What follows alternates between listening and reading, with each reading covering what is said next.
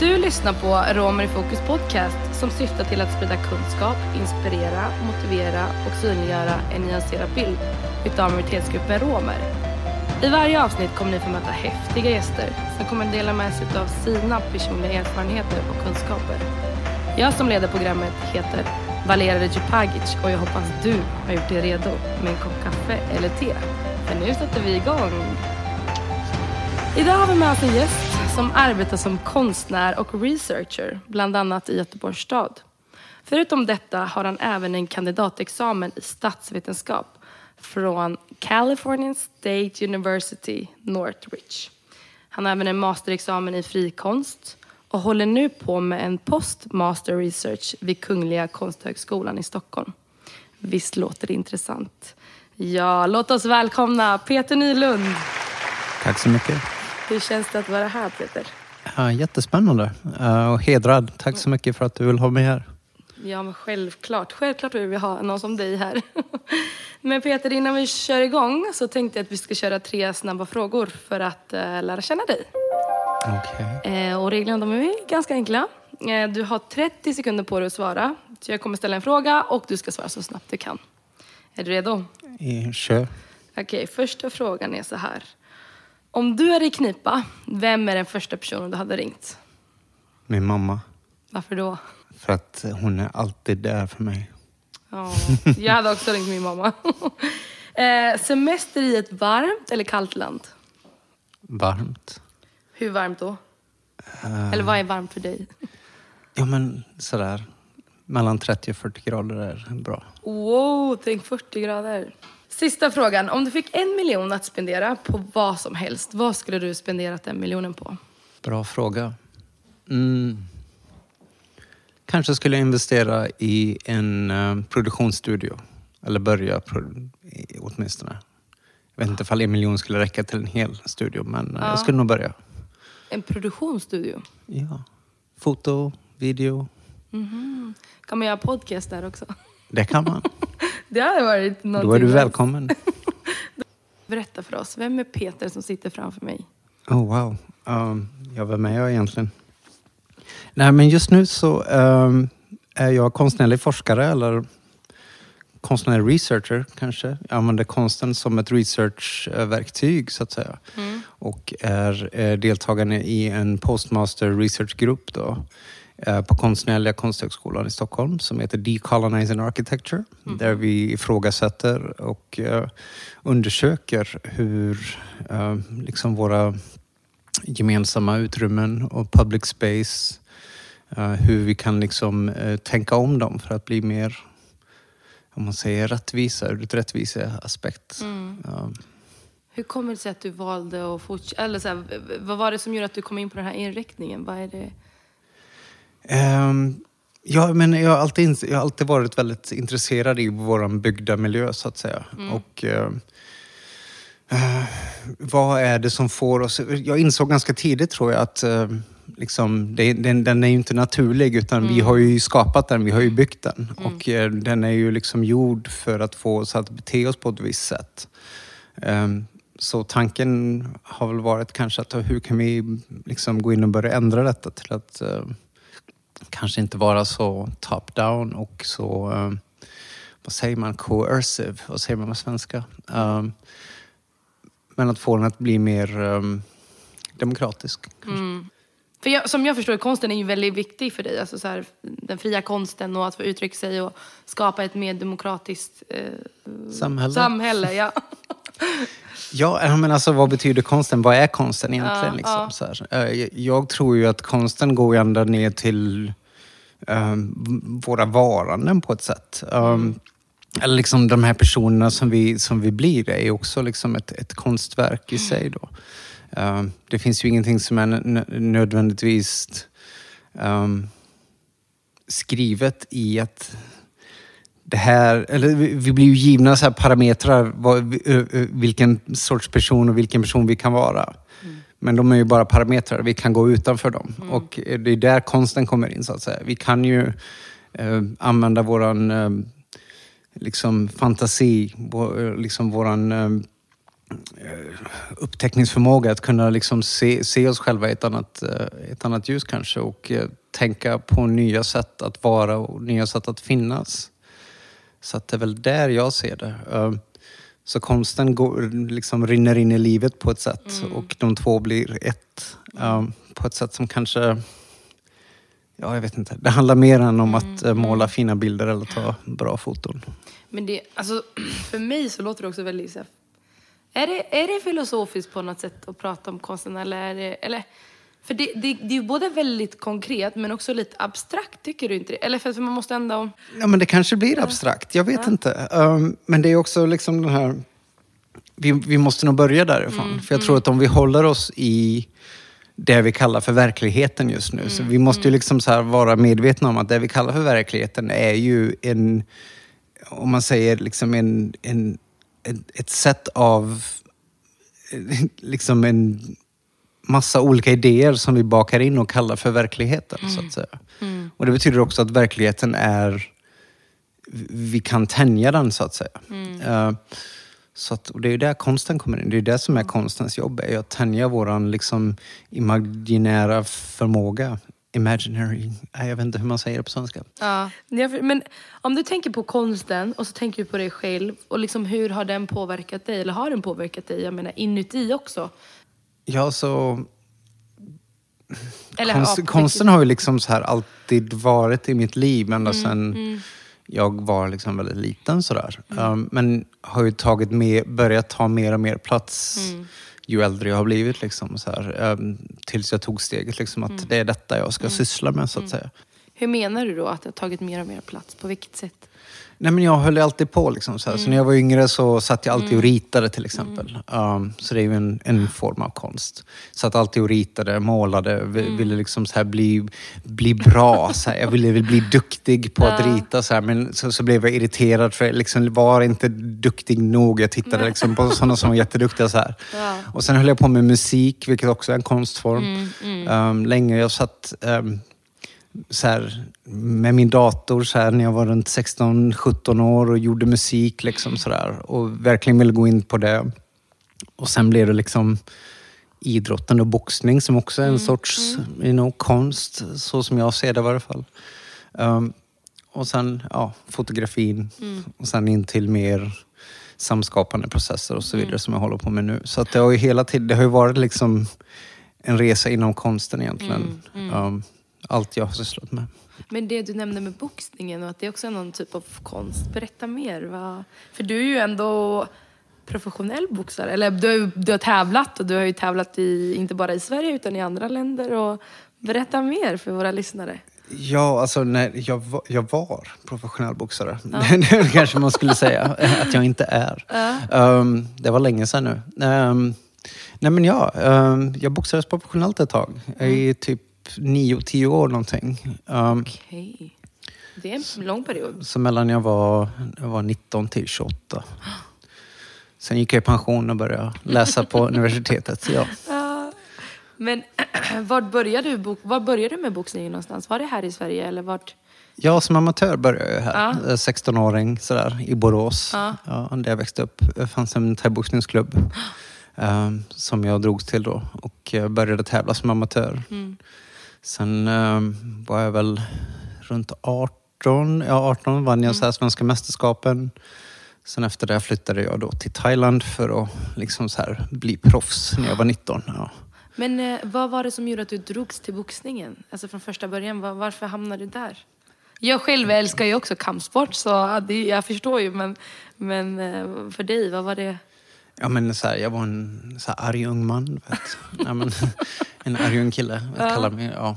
Ehm, nej, jag, jag hade väldigt mycket ilska i mig. Ehm, så, så det blev ett bra sätt att kunna få utlopp för den, så att säga. Ehm, och det höll mig från mycket annat. Så här. Jag växte upp, jag hade många kompisar så här, som jag växte upp med som började med droger. Och, och så där gick in ganska djupt i det där. Och det blev liksom ett sätt för mig att komma iväg från det. För jag liksom, man, ja, jag drogs ju med i det där också när jag var yngre, så att säga. Eh, Jag tror att det är jättesvårt när ens omgivning är på ett visst sätt att dras in i sådana här grejer. Att man, eh, ja, man följer ju liksom Strömmen man vill sätt. vara Ja. del av någonting, ja så mycket. Um, så att ja, jag drogs med där. Men så fanns ju liksom, då hade jag hittat liksom boxningen och thaiboxningen då. Så att den räddade ju mig på många sätt. Fick ju liksom den här möjligheten då liksom att det finns ett annat liv där ute. Mm. Ja. Okej, så boxningen har varit ett, eller mm, om du tittar på det idag, har haft en avgörande betydelse i ditt liv på ett eller annat sätt? Absolut, Ja. absolut. Men du åkte vidare till Thailand, till Bangkok. Ja, precis. Ja. Och, och syftet var att bli professionell boxare. Var det därför du flyttade dit eller? Ja, För det är ju ett jättestort steg och bara nu ja släpper vi lilla Ja. Sverige och så åker vi till andra sidan Ja, världen. precis. Nej, men jag åkte ner först så här, på en träningsresa i tre månader så här, inför de svenska mästerskapen. Då. Mm. Så här, jag vet inte ifall det var 99 eller år 2000. Mm. Eh, och sen liksom var där i tre månader, tränade, kom tillbaka, vann mästerskapen och sen var det liksom bara okej, nästa steg är ju att flytta dit. Så att då jobbade jag liksom som sopgubbe i, så här, över sommaren och hösten Ja. och sen åkte jag ner och uh, bosatte mig där då i två år. Ja. Hur var det då? Hur var, hur var det liksom komma... För jag antar, jag själv har aldrig varit i Thailand, men jag antar att det är två helt olika samhällen. Sverige och Thailand. Eller inte Thailand, men ja, men ja. Ja, jo. Ja. Ja, men alltså det, det är totalt olikt och det, det är väldigt mycket som är otroligt främmande och allting. Så jag lärde mig liksom det här att, eh, att min verklighet, så som jag såg verkligheten, nödvändigtvis inte var vad andra såg, eller hur? Um, Så att jag, att jag lärde mig inse att liksom sättet jag hade växt upp på var väldigt konstigt liksom i deras ögon, i andra människors ögon. Um, så man fick ju lära sig att vara liksom en, um, en outsider på ett sätt. Eller så här att... uh, um, ja. Men är det någonting från när du levde i Thailand de här två åren som du har tagit med dig därifrån? Alltså någonting som, antingen om du började tänka på ett nytt sätt eller liksom omgivningen eller liksom det, också det som du säger, ibland kan det vara viktigt att hamna i en ny kontext, alltså i ett annat land eller en annan situation eh, och börja se det från, som du sa, du var en outsider helt plötsligt och det kanske gjorde någonting med dig eller liksom, om du reflekterar tillbaka i den tiden, vad, vad tar du med dig därifrån just? Jag förstår att du kan inte berätta allt vad du gjorde i två år, men... Nej, nej, men det är så här, nej, men jag tror ju också att det här med att vara en outsider var ju någonting jag hade känt tidigare så att säga. Um, och liksom så här gömt min så här, romska bakgrund till exempel och gömt min liksom så queerhet, min bisexualitet och så vidare. Um, så att jag hade ju liksom redan den här outsider känslan liksom så, här, så drev mig så kanske var det lite det som gjorde att det inte var så jobbigt att sätta mig i en helt ny kontext. Okej. Um, fast naturligtvis var det också väldigt jobbigt. Um, eller jobbigt, det var, det var ju någonting jag gjorde så att säga. Det, det, var, det var inte lätt. Let Nej. me say it that way. Ja.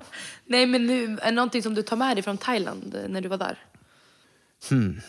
ja, men jag lärde mig mycket där. Jag var ju under väldigt liksom så här, viktiga år för mig egentligen. Sådär. Um, vikten av liksom att leva disciplinerat till exempel. Jag var ju tvungen att vara väldigt disciplinerad för att liksom kunna leva. Och det är någonting jag fortfarande har med mig så att säga. Eh, och det är väl egentligen det som har gjort att jag har kunnat göra de grejerna jag har gjort i livet. Det var ju den här disciplinen som eh, jag liksom fick, fick där, eller var jag tvungen att ha där så att säga. Som har följt med sen, som har gjort att jag har kunnat göra de grejerna jag har gjort. Det, alltså det, det är väldigt inspirerande alltså för mig att höra på din historia. För att efter Thailand åkte du vidare sen, visst? Eller vad hände efter Ja, precis. Jag flyttade hem till Sverige en kort stund. Uh, sådär. Um, var hemma eh, kanske ett år ungefär. Men sen flyttade jag till Los Angeles. För jag fick ett kontrakt då med en, eh, en boxningspromoter. Så då skrev jag kontrakt och packade mina väskor igen och åkte. Och, och vad, alltså, det är också någonting så här, bara lämna Sverige och åka till, ett, till, ja, men till USA. Alltså, det är också väldigt stort. Ja, men Liksom, vad, vad var det som motiverade dig till att våga ta ett sånt stort steg? Ja, men så, ja, jag hade alltid drömt om Los Angeles. Liksom. Um, det var ju någonting jag ville och nu hade dörren öppnats. Jag fick en chans liksom, att åka dit och kunna göra detta. Så att, ja, jag tog chansen liksom. Um, ja. Och alltså om man tänker, du som rom från Sverige kommer in i ett samhälle i USA där man har också den här problematiken kring rasism och diskriminering. Och hur, hur såg du på det? Liksom, just när man tänker på rasismen. Och, och, för USA är så extremt också på många sätt. Eh, till dens historia och alltså liksom hela historien eh, av hur eh, afroamerikaner har blivit behandlade och också är behandlade. Och liksom det är så inprintat i strukturerna. Men jag skulle inte mm. heller säga att det är, Sverige har också strukturer av diskriminering och utsatthet gentemot deras minoriteter. Men jag menar, hur, hur blev det för dig då, liksom, när du kom dit? Om du tänker på de här frågorna. Ja, men så här, för då kommer man ju dit och så blir man ju liksom införlivad i någonting som, ja, som man egentligen inte vet någonting, om. Utan, mm. men, men eh, så man får lära sig, jag fick lära mig liksom då med tiden så att säga. Mm. Um, så jag, jag, skulle väl säga att liksom, när jag flyttade dit var ju liksom så här, när jag började bli liksom vaken på det här med att, men vänta nu så här, uh, jag blir kallad vit var än jag går. Och det var ju inte någonting som jag nödvändigtvis hade uh, identifierat mig som här i Sverige då eftersom mm. jag fick höra när man var yngre så att säga då att jag inte var vit nog för att vara svensk. Mm. Så att då hade jag ju liksom aldrig identifierat mig som vit. Så att det, det blev en väldigt så här rivande liksom grej liksom, äh, man säger. Mm. Um, ja. ja, men hur var det då för dig i Sverige när du sa att du inte identifierat dig som vit? Mm, äh. Ja, du sa precis att du in, i Sverige inte såg dig själv som vit. Eller du blev inte betraktad som vit. Du sa precis att du i Sverige inte betraktades som vit. Kan du berätta lite om den processen i Sverige? Vad var det som... Nej men det, kom väl ganska tidigt sådär, mm. tror jag, när jag var liten. Liksom, sådär, vet, fem, sex år och sprang på lekplatsen och fick höra av liksom, andra föräldrar att man inte var... Jag såg inte tillräckligt, jag kunde inte vara svensk för jag såg inte svensk, tillräckligt svensk ut. Mm. Och sen liksom föräldrar sa det och sen kunde ju liksom andra barn säga sådana grejer. Och jag förstod ju naturligtvis inte vad detta var. Mm. Uh, jag var ju svensk, så, så vet jag vet det. Jag visste liksom, jag hade ju ingen, ingen aning om någonting av det här. Jag hade ju aldrig liksom haft anledning att tänka på det. Men vad men, eller kom, kommer du ihåg vad de, kanske, om du reflekterar på det nu, när inte du såg tillräckligt, nu gör jag sådana här quote-tecken, tillräckligt svensk ut. Vad baserade de det på? Kan du komma ihåg vad de menade då? Eller om du får tänka tillbaka till den tiden. Vad, vad var liksom tillräckligt, i parentestecken, för att vara svensk? Tillräckligt svensk? Ja, men alltså...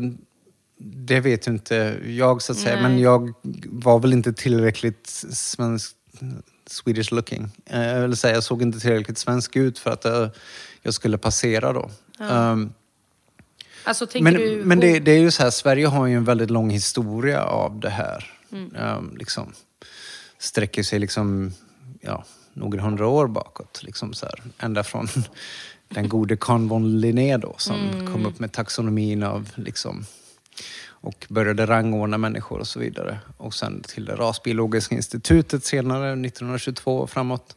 Så jag menar, Sverige har ju en väldigt liksom så här lång historia av av det här att vilja se sig själv som någonting, eller som det högsta. Mm. Liksom. Eh, och då blir ju liksom det här urvalet då, vem är det som tillhör? För jag menar, då kan ju inte alla tillhöra i den här, utan man måste ju ha, det måste ju finnas någon som inte får tillhöra den här mm. gruppen om vi ska kunna vara särskilda. Så att, eh, ja. Och då, mm. då tittar man väl på de där minimala grejerna. Mm. Du är för mörk, du, du hör inte hemma här. Eller du måste vara från någon annanstans. Um. Men så du fick höra av föräldrar då till dina, eller av äldre, att du inte var tillräckligt svensk när du var yngre? Alltså vad hände med dig? Alltså, hände någonting så inuti med dig själv? Alltså... Ja, alltså, men jag, jag har ju en sån här bild som fortfarande finns kvar från den här tiden när ja. det hände. Liksom, så här, och hur djupt det verkligen satte sig. Mm. Och då inser man ju också att det är jätteviktigt liksom, så här, mm. vad man säger åt barn. Mm. För barn är väldigt så här, mottagliga mot mm. det man säger. Och liksom, även fast det var liksom en, en främling då. Um, så att jo, men det gjorde ju någonting med mig. Jag började ju fundera över det så här, men varför är det så? Varför är jag annorlunda? Liksom? Mm. Uh, jag hade ju ingen aning. Men blev det typ att du anklagade dig själv eller så här, såg dig själv som... Hur ska jag säga det här utan att det ska bli konstigt? Men ibland när någon liksom trycker någonting på en så kan man börja, vilket är negativt, att man tänker så här, är det fel på mig? Vad är det för fel på mig för att inte jag är som alla andra? Istället för att man tänker att det är de som har en konstig syn om att jag inte får vara en del av gemenskapen. Eh, förstår du min fråga? Liksom att Precis. rent, både emotionellt men också så här, eh, mentalt ifall det satte spår i hur du betraktade dig själv det, under den tiden. Eller liksom, Ja men absolut. Jag tror det var liksom, det sådde liksom ett slags självförakt och um, ett slags självhat till slut. Um, som liksom växte liksom under åren och ja, sådär. Um, det fanns liksom en viss... ja, jag kunde ju aldrig liksom gilla mig själv om man säger. För att, det eh, sant? Ja, ja visst. men, Så boxningen var ju perfekt då, för det, det var ju slags, en, en, en slags bestraffning på många sätt. Eh, livet man lever som det är och så där, är väldigt så här hårt. Och, eller så här, är du det vet, ja, sätter sig igenom väldigt extrem träning och sen smärtan av, av matcherna och så vidare. Så där. Eh, det har väl kunnat så här extrapolera nu efteråt, liksom, så här, kunna sätta ihop det på det sättet. Men eh, då hade jag väl ingen liksom, inblick, så här, insikt på det sättet. Men alltså, det jag tänker på, för du sa precis så här, självförakt och självhat, liksom att du började hata dig själv. Så du började hata dig själv på grund av att du var, mm, alltså majoritetssamhället, eller de som är de, andra. För att, som du precis sa, för att man ska kunna ha vi så måste man också ha dem. Så man måste kunna ha två motpoler. Ehm, och i det här fallet majoritetssamhället och eh, du då, min, som tillhör minoritetssamhället kan man säga. Så liksom sättet de prat, eller såg dig skapade ett självförakt, om jag förstår det rätt. Ja, precis. För, jag menar så här, så, så önskan är ju bara att tillhöra någonting. Men jag var aldrig liksom så här insläppt i att, att kunna tillhöra i det. Så blir det sen då naturligtvis när man når tonåren. Då vänder man ju sig emot allting och protesterar mot allting. Liksom. Eh, Men, men om jag får fråga dig en fråga som är så här. Om du fick tala till dig själv i den åldern, idag, för allt Ja. som du har samlat på dig, allt som du har sett och alla perspektiv du har fått och all lärdom, eller det som man inte vet när man är liten, eller yngre, för du var ju mycket yngre du, när det här hände antar jag. Visst var det så? Du var ju mycket Ja. yngre. Ja. Ja. Om du fick chansen att prata med dig själv när du var i den åldern, eller när du liksom var där och hade, kände all den här ilskan inom dig, som du har, liksom ilskan som kom på grund av hur majoritetssamhället behandlade dig eller liksom titta på dig eller betrakta dig. Vad, vad skulle du säga om du hade chansen? Det är en jättestor fråga, en jättekomplex. Men jag menar så här, nu har du, vad, vad skulle du säga till det där barnet eller killen i den åldern och säga att så här, lyssna inte. ja, Um, för de, de vet inte vem du är, så att säga. Um, de, de ser ju inte dig. De Nej. vet inte vem du är. Um, de har en idé om vem du är. Och de försöker liksom trycka den idén på dig om vem du ska vara och vem den du är. Uh, men det har ju ingenting att göra vem du är. Så det har jag väl försökt säga till den där lilla knatten som sprang runt här. För jag tänker det här är någonting som har, alltså det, är ju på, eller, det är ju någonting som många människor fortfarande genomlider idag. Alltså, och inte minst när vi kommer in på den romska minoriteten. Eh, som vi också kommer komma in på alldeles snart. Ehm, där det finns en bild, en, en stereotyp bild, där det, en förutfattad mening, det finns fördomar och som baseras oftast på okunskap. Ehm, som gör att man som individ känner sig inte alltid hemma. Eller man, det som du beskriver förut, att man börjar ifrågasätta sig själv istället. Och det är ju fruktansvärt fel. Det är ju inte alls så det ska vara. Visste du att FRA, European Union Agency for Fundamental Rights, har sammanställt en rapport om romer och resande i Sverige från 2019? I den här rapporten framkommer det att mer än hälften av romer och resande som deltog i intervju för rapporten har upplevt diskriminering under de åren som undersökningen pågick. Och den här undersökningen var då i Sverige, men också i andra länder. Så eh, Peter, nu när vi precis hörde på det här stycket att många romer fortfarande upplever diskriminering och det som vi har varit inne på innan. Varför tror du att det är fortfarande så utspritt problem alltså i svenska samhället? Jag tror att mycket av det ligger i att eh, om vi säger antizigarismen är ju otroligt djupt förankrad i, låt oss kalla det den svenska folksjälen. Um, det, och inte bara i den svenska utan i, i den europeiska, i, nästan i världssjälen. Mm. Um, man pratar illa om romer, zigenare då. Mm. Uh, gypsies this. vet, så här, att, att, det är ju nästan synonymt med negativa för, liksom, idéer. Mm. Uh, och det här är ju någonting som, som är väldigt djupt i, uh, liksom, inne i språket. Liksom. Uh, så att mycket av det ligger nog där. Att, mm. de här fördomarna liksom, om de första romerna kom till Sverige liksom på 1500-talet. Mm. Så har ju de här fördomarna kunnat byggas upp under liksom 500 år. Mm. och, mm. eh, så de har ju blivit liksom en del av verkligheten vi ser på ja. ett sätt. Ja men typ att det har blivit en del av det normala. Att, det, att det är en sån social accepterad grej också. Mm. Att antisig, alltså antisiganistiska attityder i vårt samhälle. Mm. Att det har blivit socialt accepterat. Skulle mm. du vilja våga påstå det? Absolut. Ja. Men vad tror du liksom här och nu? Vad kan man alltså, vad, bygga upp ett mer demokratiskt samhälle genom konsten? Och om vi tänker på de här frågorna då. Vad kan man göra eller vad tror du utifrån ditt perspektiv? Jag tror att mycket kommer ligga i ett... Um, liksom mitt arbete nu då, som till exempel handlar om ett slags avkoloniserande, om vi kan använda det. Um, det uttrycket att liksom börja tänka om och inte se oss själva från den eurocentriska mm. eh, världsbilden, så att säga. Utan vi kan börja tänka på kanske traditionella, mer traditionella sätt, även fast jag säger, jag säger ju inte här att svaret ligger i det traditionella. Men eh, du sa eh, avkolonisera, jag tänkte för våra lyssnare, kan du bara beskriva vad du menar när du använder ett sånt ord? Ja, eh, som jag säger, det har ju att göra med den större koloniseringen då, som pågick uh, av de europeiska makterna mellan säg 1500 mm. Eh, till 1950 ungefär.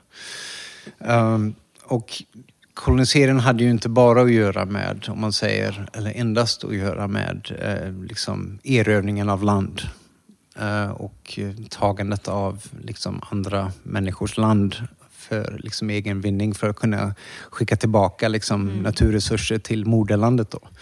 Uh, vilket var vad det gick ut på. Uh, det har ju inte bara om det utan har också om världsbilden att göra. Ja. Den världsbilden som inte bara man påtvingade de befolkningar som fanns på de ställena man kom till men också den världsbilden som man påtvingade sig själv genom att kunna ha, kunna kunna rättfärdiga detta för sig själv. Mm, mm. Uh, och då är man ju tvungen att avhumanisera människor. Mm, um, och ja, ska man kunna göra detta så måste man ju avhumanisera människor till den grad att de inte längre är människor. Det är så mm. liksom, man kunde ja, rättfärdiga då, mm. slaveri, människohandel och så vidare. Ja, men då menar du precis att när man avharmoniserar det betyder att de har inget människovärde heller i, i, i, i deras ögon. Så att de, de, är inte ens människor. De är inte människor, de är inte värda att leva. Och det är också så rasismen i, i princip fungerar. Att vi har olika raser som har olika ja. värden och där...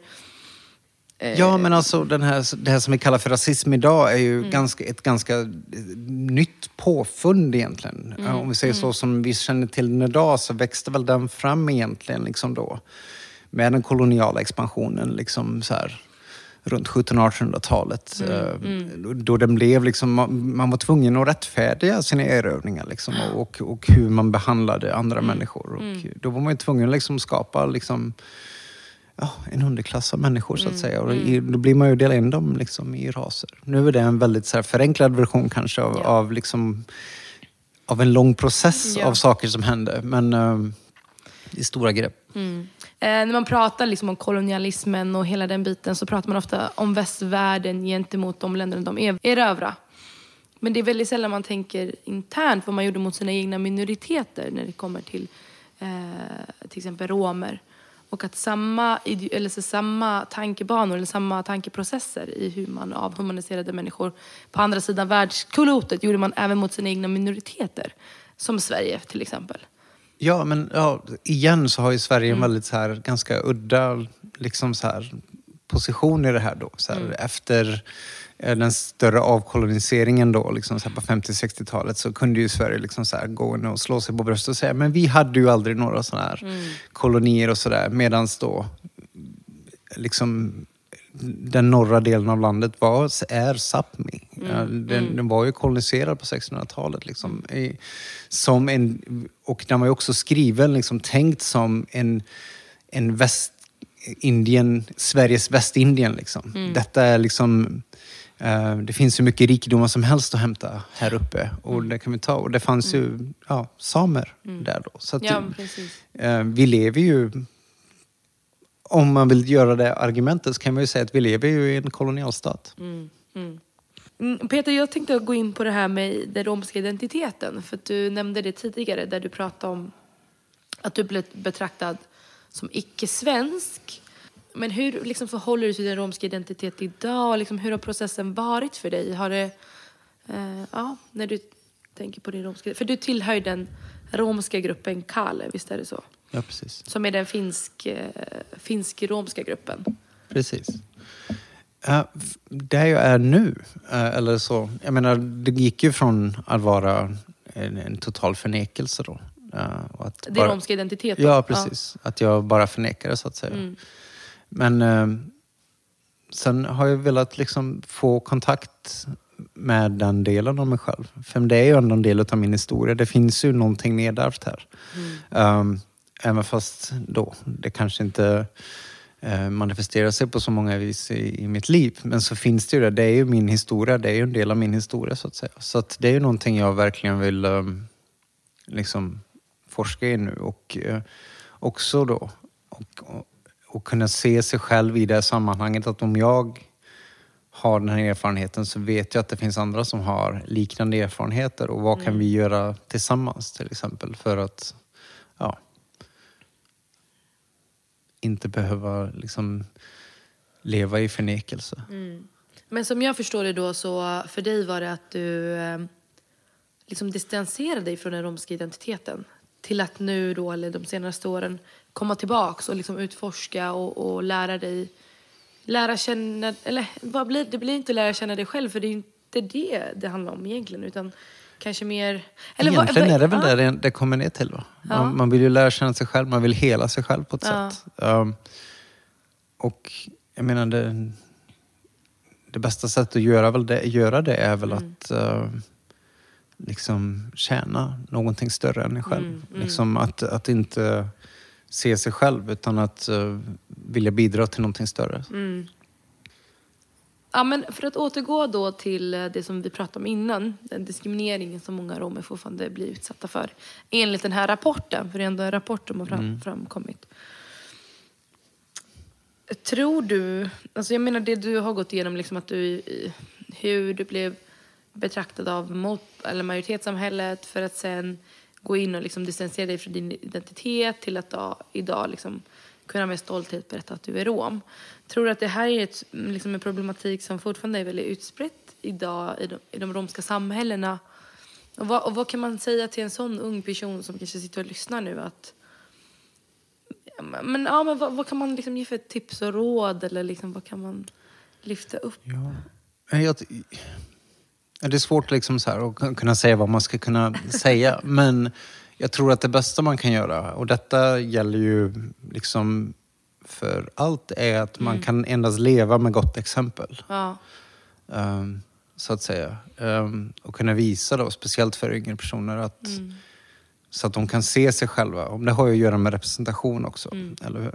För om du kan se dig själv, representationer av dig själv som du kan spegla dig själv i, eller kunna se dig själv i någon som gör någonting positivt, ehm, gör någonting bra. Det, det är liksom...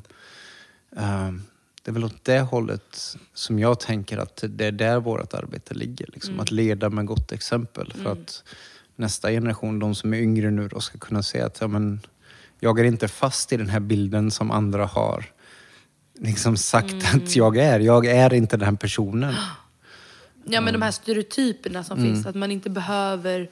ehm, så du menar då att man ska komma med gott exempel, liksom förebilder, att det ska synas och finnas i mainstream, alltså i, i, alltså i publika sammanhang och så? Menar du, menar du så? Typ? Att man ska kunna våga se eh, romer? Ja, det börjar väl kanske från mindre, om man säger på mindre nivå. Mm. Liksom det personliga, det, är inte pers, liksom, det interpersonal level. Så. Ja. Varje person du möter, varje person du talar med. Och Mm. när du talar med en yngre rom till exempel. Och sen växer ju det då Mm. liksom kanske till... ja, eh, ja, precis. Men det måste ju ändå börja från individen så att säga. Mm. Nej men jag håller med dig. Alltså, det är ju, för mig när jag var yngre så eh, jag blev ju betraktad som en icke-svensk. Som en invandrare trots att jag är född och uppvuxen i Sverige. Men senare med tiden så när jag själv har reflekterat för min romska bakgrund att man börjar tänka i olika banor kopplad till sin ident- identitet. Eh, och för mig har det varit liksom så här, är jag invandrare trots att jag inte har invandrat? Är jag rom? Eh, trots att det inte alltid behöver liksom vara the main fokus. Eh, så jag vet inte, det- så det är som du säger, att det tar... Ja, men det här är också lite vad Mirelle rörde vid Mm, när hon var här senast jag lyssnade på hennes avsnitt. Men hon säger det, det finns ju så många delar till en människa. Att visst, våra bakgrund, om man säger etnicitet, om man kan Mm. använda det ordet, är ju bara en del utav Mm, det som gör en person. Så att eh, det är ju ingenting som är styrande för den du är egentligen. Utan det är ju en del av det. Mm. Det är ju liksom en, en historia som man bär med sig så att säga. Och det är inte heller så att man behöver bara vara en, alltså du, du har inte bara en identitet. Nej, Det är så, man har ju så mycket, det är så brett och precis. man har ju den svenska identiteten, den romska, man är man, kvinna, Mhm. eh, bisexuell. Alltså det finns så mycket saker, eh, ja men sexualitet, alltså det finns ju så många identiteter. Ehm, Precis. ja. Och det, Det- enda, och det enda som liksom så här... Och det, och det som är grejen är att de är ju bara så här påhitt egentligen. Mm, mm. Och det är det som, gör, ja, som har väldigt verkliga effekter då naturligtvis. Mm. Men eh, vi får ju tänka på det som att det, det är inte nödvändigtvis, det är ju ord Mm, mm. som har kommit på. Peter, nu har vi kommit till den sista biten i det här avsnittet. Och eh, vi har kommit till den delen där du har chansen att ställa en fråga till mig efter att jag har ställt massa frågor till dig. Så är det något du vill fråga mig så kör på. Ja men naturligtvis jättemånga frågor. Men ja. något som jag alltid är väldigt intresserad av, som jag liksom har hållit när vi har pratat tidigare för att jag ville spara det till nu. Ja. är, om vi säger, om liksom du kunde välja helt, om du inte behövde liksom så här bry dig om omständigheter och så vidare. ja. Men vad skulle du syssla med? Vad skulle du sysselsätta dig själv med? Wow. Bra om fråga. det inte fanns några förhinder och Mm. ingenting som... Vad vill du helst göra liksom? Vad gör du när du, när liksom... Ja. Alltså det är en så bra fråga för att jag har ju, vad ska man säga, precis som du var inne på förut, att man får ju med sig saker från sin barndom och ungdom och upp i vuxenlivet. Eh, och man formas ju ut efter det. Alltså så här, någonting som man verkligen vill, kunna hjälpa andra människor. Och det, vi- om jag får bestämma helt utan några förutsättningar så vill jag jobba med människor där jag kan hjälpa och göra in, liksom ett riktigt intryck eller avtryck i människors liv. Och eh, det finns ju på olika nivåer. Man kan ju göra allt ifrån liksom den politiska nivån, liksom lokalt, att bara liksom titta människan i ögat och prata och liksom kunna göra en sån skillnad. Så jag vet inte, jag kan inte svara riktigt på din fråga vad jag skulle vilja göra, men jag skulle vilja jobba med att hjälpa människor. Och det är ju lite det som jag håller på med nu. Alltså att jag vill, jag vill jobba liksom inom en organisation där man verkligen kan göra skillnad. Och, och det är också väldigt klyschigt för att när det är så byråkratiskt uppbyggt, du vet hela systemet och det är så många steg för att kunna den här verkliga skillnaden, det tar ju flera år. Så, så går det lite så här, alltså det är ju en skillnad, sen kan du göra skillnad eller påverka genom att liksom, säg på äldreomsorgen där du sitter och hjälper någon liksom här och nu, någon som ska gå upp ur sängen eller whatever. Och det är ju, man påverkar ju människors liv på båda sätten. Ehm, så jag vet inte riktigt, jag, jag har inte svarat på din fråga och jag vet inte hur jag ska svara på den men nu fick du ett väldigt långt svar. jag skulle vilja jobba med människor och kunna hjälpa dem på göra ett riktigt avtryck och intryck i deras liv. Uh, så är du nöjd med svaret? absolut, absolut. Det var ett väldigt fint svar. Mm, tack. Men, tack så jättemycket Peter för att du ville komma hit och dela med dig av dina tankar och kunskaper och åsikter.